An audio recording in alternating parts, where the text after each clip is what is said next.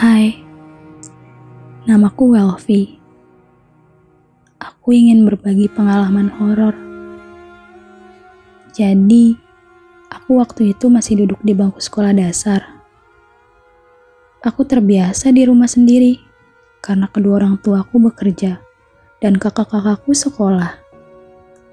Biasanya, sambil menunggu mereka pulang, aku dititipkan di salah satu tetangga tapi aku selalu pulang ke rumah. Istilahnya, tetanggaku itu hanya sekedar memastikan bahwa aku aman berada di rumah. Hari itu sekitar jam 10 pagi. Aku sudah pulang. Satu jam kemudian, Mama pamit berangkat mengajar. Mama memang sengaja memilih jadwal masuk siang. Katanya, biar bisa menitipkan aku dulu ke tetangga. Nitip si Neng di rumah ya, saya berangkat dulu. Kalau mama berangkat kerja, hampir setiap hari aku mendengar kata itu. Seperti biasa, aku mengganti seragam sekolah dengan baju sehari-hari.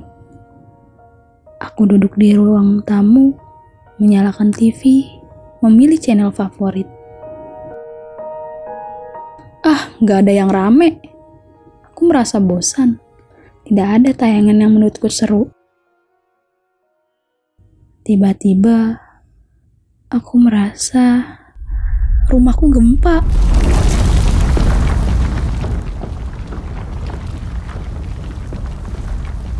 Untuk memastikan getaran itu, aku melihat pajangan rumah yang menempel di dinding. Terbuat dari kayu berbentuk rangka rumah berisikan guci-guci kecil. Aku pun berlari terbirit-birit keluar rumah karena takut gempa itu semakin kencang dan menimbulkan kerusakan yang fatal.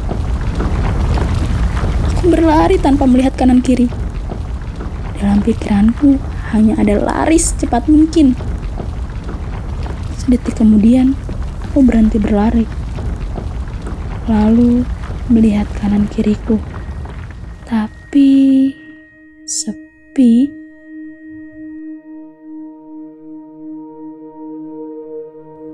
Daerah tempat tinggalku ini kan sebuah komplek yang cukup ramai. Tapi kenapa hari itu di sekitar rumahku sepi? Padahal jelas sekali ada gempa. Aku jadi bertanya-tanya, apa hanya rumahku yang gempa? Pemikiran anak SD kan memang random Lalu aku kembali ke depan rumah. Berdiri tepat di halaman. Menatap rumahku. Sendiri yang mana pintunya masih terbuka lebar. Dari pintu depan rumah itu, sudut pandangnya langsung ke kamar orang tuaku. Di situ, aku melihat papa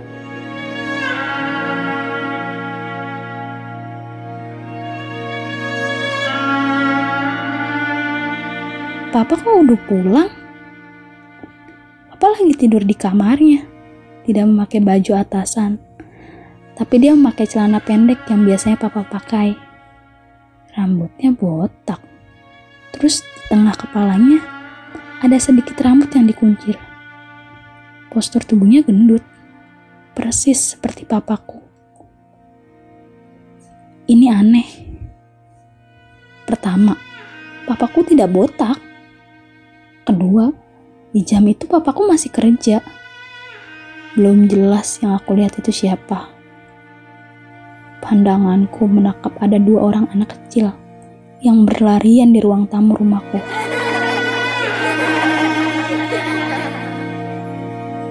Aku sama sekali tidak mengenali mereka. Bukan juga teman-temanku. Aku tersadar karena mendengar deringan telepon rumah sampai tiga kali. Pengen sih rasanya masuk, terus mengangkat gagang telepon itu. Siapa tahu ada yang penting. Ditambah, mama suka marah-marah kalau aku tidak mengangkat telepon. Di situ aku bingung. Aku harus masuk rumah, tapi aku takut. Karena posisi telepon rumahku berada di kamar papa. Dan sosok itu masih berbaring dengan tenang.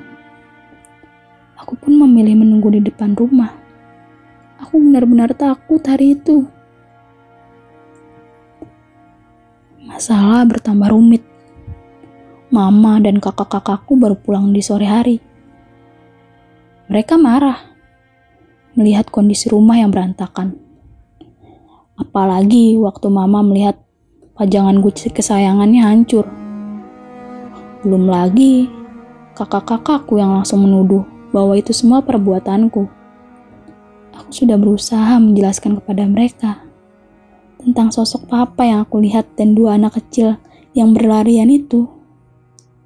Juga bukan aku yang membuat rumah berantakan. Tapi mereka tidak melihat apa-apa dan bilang kalau aku hanya mengada-ngada saja. Mana ada anak kecil selain kamu? Tuh, papa juga belum pulang.